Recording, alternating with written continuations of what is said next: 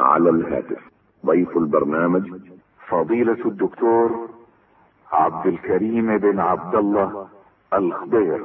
بسم الله الرحمن الرحيم. الحمد لله والصلاة والسلام على خير خلق الله محمد بن عبد الله وعلى آله وصحبه ومن والاه. أما بعد فالسلام عليكم ورحمة الله وبركاته. وحييتم مستمعينا الكرام إلى لقاء جديد في سؤال على الهاتف والذي يسعدنا أن نستضيف فيه فضيلة الشيخ الدكتور عبد الكريم بن عبد الله الخضير وفقه الله. فمرحبا بكم فضيلة الشيخ وأهلا وسهلا. حياكم الله وبارك فيكم وفي الأخوة المستمعين. وبكم حفظكم الله.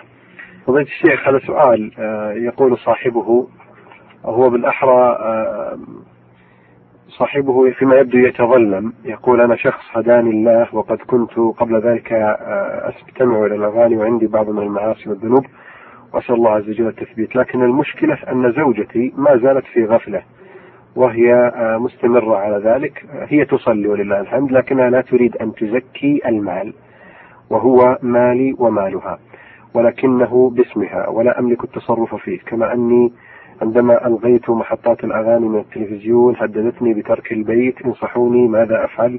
هل أتركها على هواها وأقول آه لا أقول إلا ما قال الله لا ولا تزر وازرة إلا وزر أخرى إلى آخر ما ذكره يقول ماذا يلزمني غير ذلك علما بأنني نصحتها واستن آه آه واستنفدت معها كل السبل ولكن دون فائدة. أفيدوني أفادكم الله.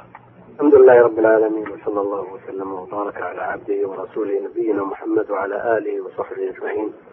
أما بالنسبة للزكاة فمالك يلزمك أن تزكيها.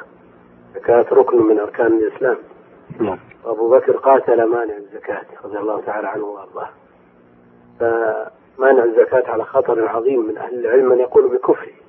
الله السلامة والعافية. فعليك أن تزكي شاءت أم أبت؟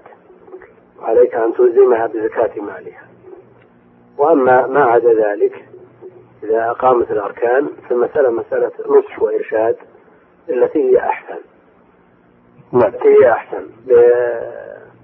تابع مع النصح والإرشاد بالأسلوب المناسب إن استجابت وإلا فشأنك هذا إن رأيت أنها لا تناسبك ولا والمكافأة غير موجودة بينك وبينها لأن الكفاءة إنما تكون في الدين والتي تزاول المعاصي ضررها وخطرها على الشخص قبل غيره ثم على أولاده وأسرته. فإن استجابت وإلا فالأمر إليك. إن شئت أن تفارقها وإن هددتك بالخروج فاتركها تخرج. إذا كانت ترتكب محرمات أو تترك واجبات. نعم. اتركها تخرج بعد أن تستنفذ ما تستطيعه من نصح وتوجيه وإرشاد. نعم. وأما بالنسبة للزكاة فلا مساومة عليها كالصلاة. نعم.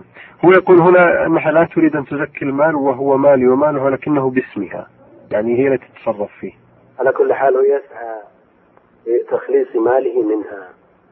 يسعى بتخليص ماله منها. ولو احتال في ذلك عليها. ولو احتاج نعم. إلى الوصول إلى الواجب أو التخلص من المحرم شرعية نعم. أحسن الله إليكم فضيلة الشيخ ناخذ أيضا هذا الاتصال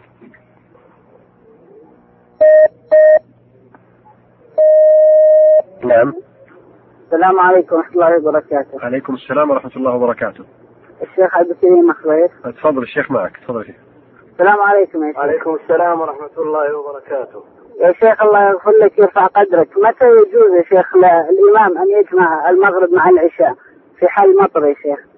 حال المطر إذا كان المطر يشق على المصلين. إذا كان يشق على المصلين لا سيما إذا صحبه برد شديد أو كانت الأرض وحل يصعب على الناس ويشق عليهم الخروج مرتين من أجل الصلاة. فحينئذ يجمع. وإذا وجد الحرج نزلت الرخصة. والنبي عليه الصلاة والسلام جمع بين الظهر والعصر والمغرب والعشاء وقال ابن عباس لئلا يحرج أمته وأراد أن لا يحرج أمته فدل على أن الجمع إنما يوجد عند الحرج والمشقة نعم. يا شيخ إذا كان فيها برودة تصاحب المطر تضر في كبار السن فقط، هل يجمع لها لأجلهم؟ نعم إذا نزلت الرخصة عامة يعني إذا وجدت إذا وجد المشقة في بعض المصلين وجمع من أجلهم فيصلي يصلون هم وغيرهم. الله يغفر لك ويجزاك خير. يا شيخ. بأمان الله. حياك الله يا أخي الكريم. أهلا وسهلا بك. ناخذ اتصال آخر. نعم. السلام عليكم. عليكم السلام ورحمة الله. جزاك الله بالخير أهلا وسهلا. سؤال على الهاتف تفضل الشيخ معك. الشيخ عبد الكريم. نعم معك الشيخ. السلام عليكم. وعليكم السلام ورحمة الله وبركاته. كيف حالك يا شيخ؟ خير الله يبارك فيك. الله يجزاك. فتحت حساب يا شيخ من برا السعودية إيه. في بنك ربوي نعم. وجاني فوائد. إيش أسوي بعد يا شيخ؟ الآن لما فتحت الحساب أنت مضطر إلى اي نعم مضطر يا شيخ. مضطر إلى فتح الحساب؟ اي نعم مضطر ما في جهة لا تتعامل بالمحرم غير هذا البنك؟ اي نعم يا شيخ.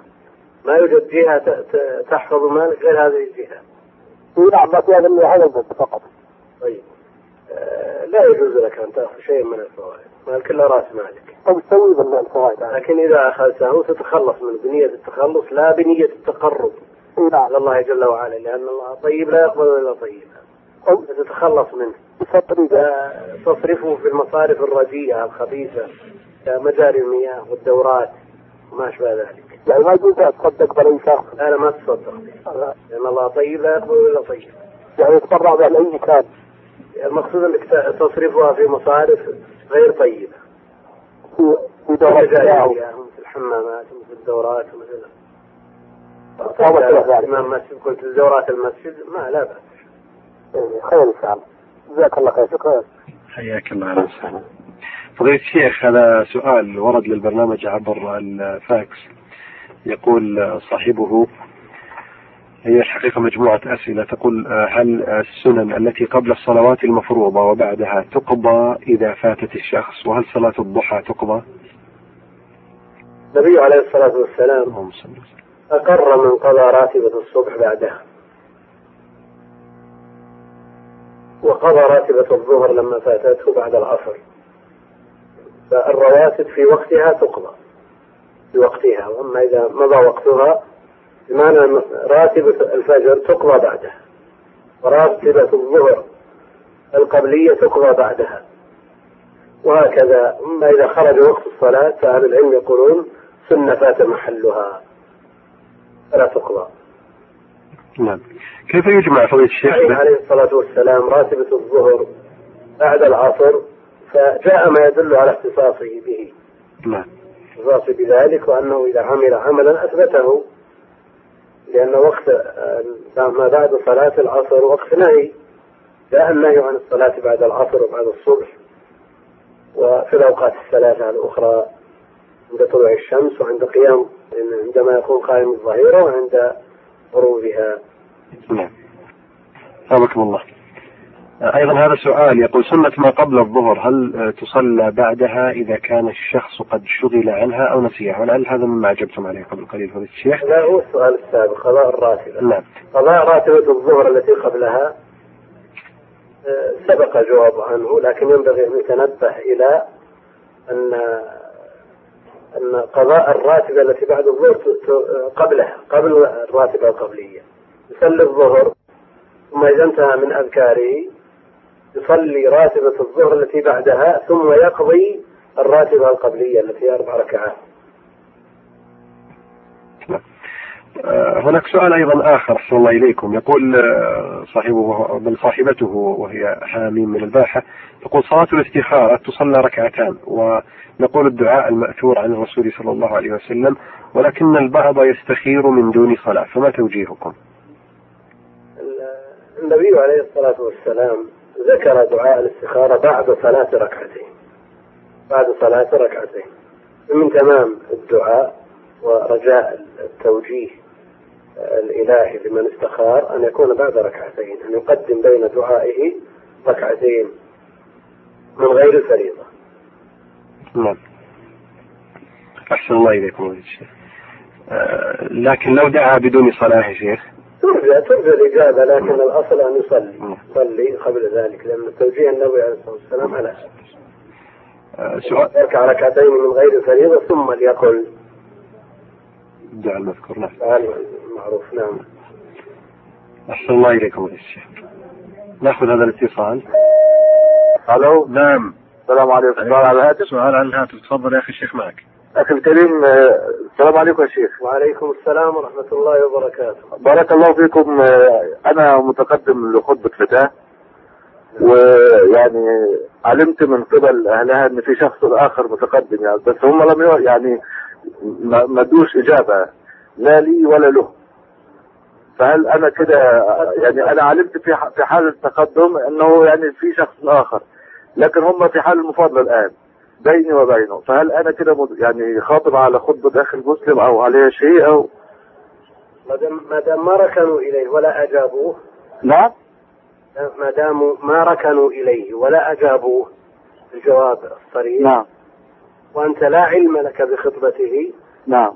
فالأمر إليهم لهم أن يفاضلوا. لكن أنت لا تتابع الموضوع حتى تعرف أنهم انصرفوا عنه ولا تلح في هذا. نعم. تعطيهم رغبتك وتنصرف. قبل علمك بخطبته فإذا علمت بخطبته تنصرف ولا تكرر الخطبة حتى يردوا ردا صريحا. نعم. بارك الله فيك. شكرا. حياك الله. أهلا وسهلا السلام. عليكم. وعليكم السلام. ورحمة الله وبركاته. طيب هنا سؤال يا شيخ.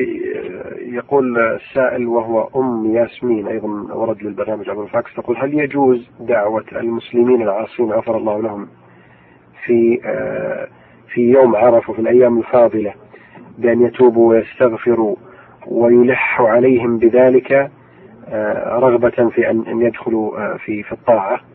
هكذا سؤال صياغته. يوم عرفة من أفضل الأيام بل قال جمع من العلم أنه أفضل أيام العام على الإطلاق وكونه أفضل يعني يدل على أن الأعمال الفاضلة يكون أجرها أعظم فيه من غيره. ومن أفضل الأعمال الدعوة إلى الله جل وعلا. هذا بالنسبة لمن وقف بعرفة وغيرها. من وقف بعرفة ورأى منكر أراد أن يغيره أو رأى شخص ملاحظة أو تفريط فأراد أن يرشده ويدعوه إلى إلى اغتنام مثل هذا الوقت. فهذا من أفضل الأعمال. ثم بعد ذلك يتفرغ للعبادة الخاصة من الذكر والدعاء والتلاوة وغيرها. نعم. السؤال الآخر تقول هل يجوز للمرأة أن تطبع كتب الدعاء آه، إن أذن لها زوجها وذلك من مالها وفي ذلك لا بد لها من أن تخاطب المطبعة أو دار النشر. طبعها لل- للكتب المفيدة لا شك أنه من أفضل القربات ومن النفع المتعدي ومن العلم الذي ينتفع به. لكن لو جعلت بينها وبين الرجال وسائط آه، لكان أولى وإن تكلمت معهم بكلام هادي لا خضوع فيه. فلا إشكال إن شاء الله تعالى. نعم أحسن الله إليكم. نأخذ هذا الاتصال. ولا نزال مستمعين في سؤال آخر. السلام ورحمة الله وبركاته. هذا الشيخ. تفضلي سؤالك سيوقع على الشيخ. ما هو السؤال؟ فضيلة الشيخ هذه سائلة تقول إنها غضبت على أبنائها يوما ما فقالت حلفت الا تذهب بهم إلى الألعاب. تقول إنها مرة قالت والله والمرة الثانية قالت التوبة إني ما أوديكم. فهذان اللفظان يا شيخ هل يلزمان ثم عادت مرة أخرى ورضخت لمطلبهما وذهبت بهما. تقول ماذا يلزمها؟ هذه مح- محلات الألعاب والملاهي لا شك أن الدين يحتمل من مثل هذا العبث الخفيف لا سيما من صغار السن إذا لم يصاحبه محرم نعم.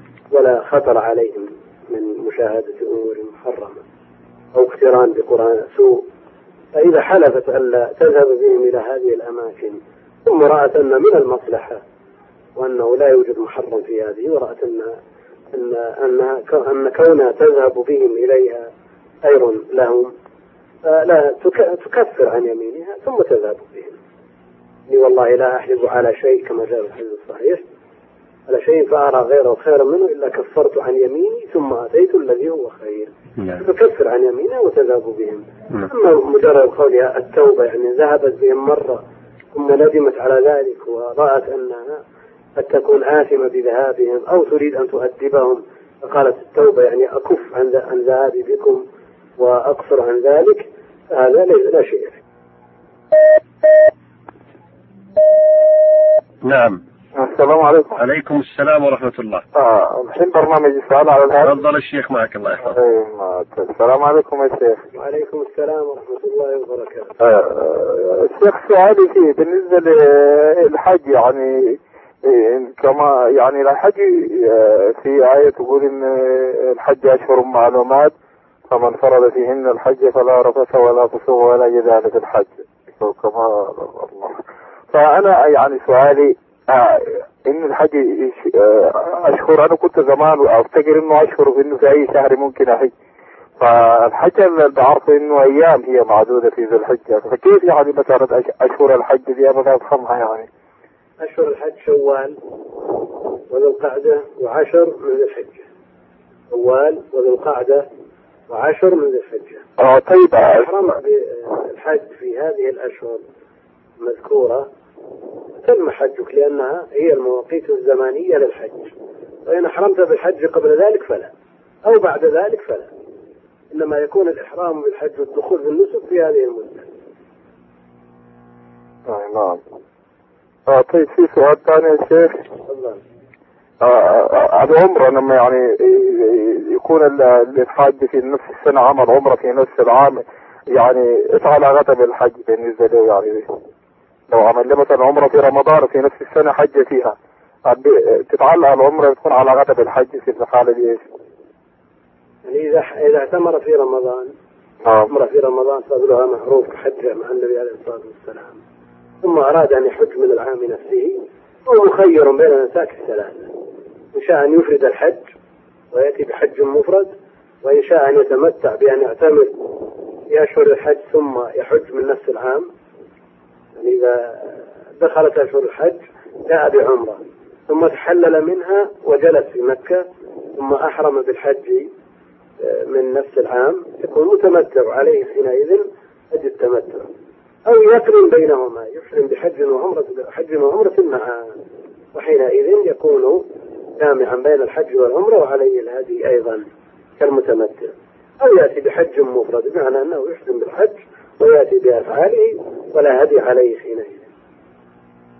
ولا شك أن أفضل هذه الأنساك التمتع. يعني يعتمر عمرة كاملة مستقلة ويتحلل منها ثم بعد ذلك يحرم بالحج نعم. لديك- سؤال ثالث يا أخي؟ عندي سؤال أخير بالنسبة تفضل. بالنسبة في الصلاة يا شيخ مرات يعني لما أكون يعني جاي من بين من الركعة من سجدة للركوع ولا ولا للقيام. فبقول يعني كلمات كده يعني يقول الله المستعان يعني حاجة بدون ما أشعر بها يعني كلمة ما عندها علاقة بالصلاة لكن يعني الصلاة لا يصلح فيها كلام الناس. لا تتكلم إلا بما شرع لك الكلام فيه. من القراءة في القيام أو التسبيح في الركوع والسجود أو الدعاء بين السجدتين بالدعاء المأثور أو التشهد. إضافة إلى تكبيرات الانتقال. أما ما عدا ذلك فلا يشرع. لك أن تدعو في السجود أيضا بعد التسبيح وتدعو بعد الفراغ من التشهد تخير من المسألة ما شئت. وأما ما عدا ذلك فاحفظ صلاتك منه. قوموا لله قانتين يعني ساكتين. نعم. أحسن الله إليكم فضيلة الشيخ. آه هذا سؤال فضيلة الشيخ. يقول صاحبه هل يجوز أن يدفع العميل مبلغ 100 ريال على قطعة قيمتها 98 ريالا؟ ولم نجد صرف لإرجاع الباقي وقلنا له أحضر آه ذلك غدا.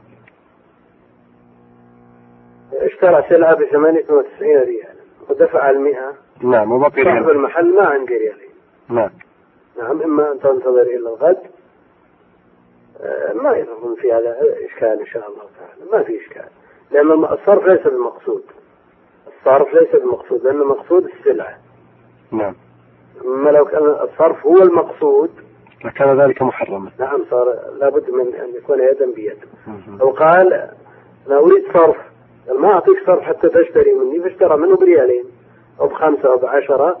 ثم قال له هذه خمسين وباقي لك أربعين. ولا أعطيك إياها إلا غدا. الصرف حينئذ. فلا يفترقان بينهما شيء. نعم. فالمعول في هذا على أن يكون المعاملة أصلها إما بيع وشراء أو أن تكون صرفا. نعم نعم. أحسن الله إليكم يا شيخ.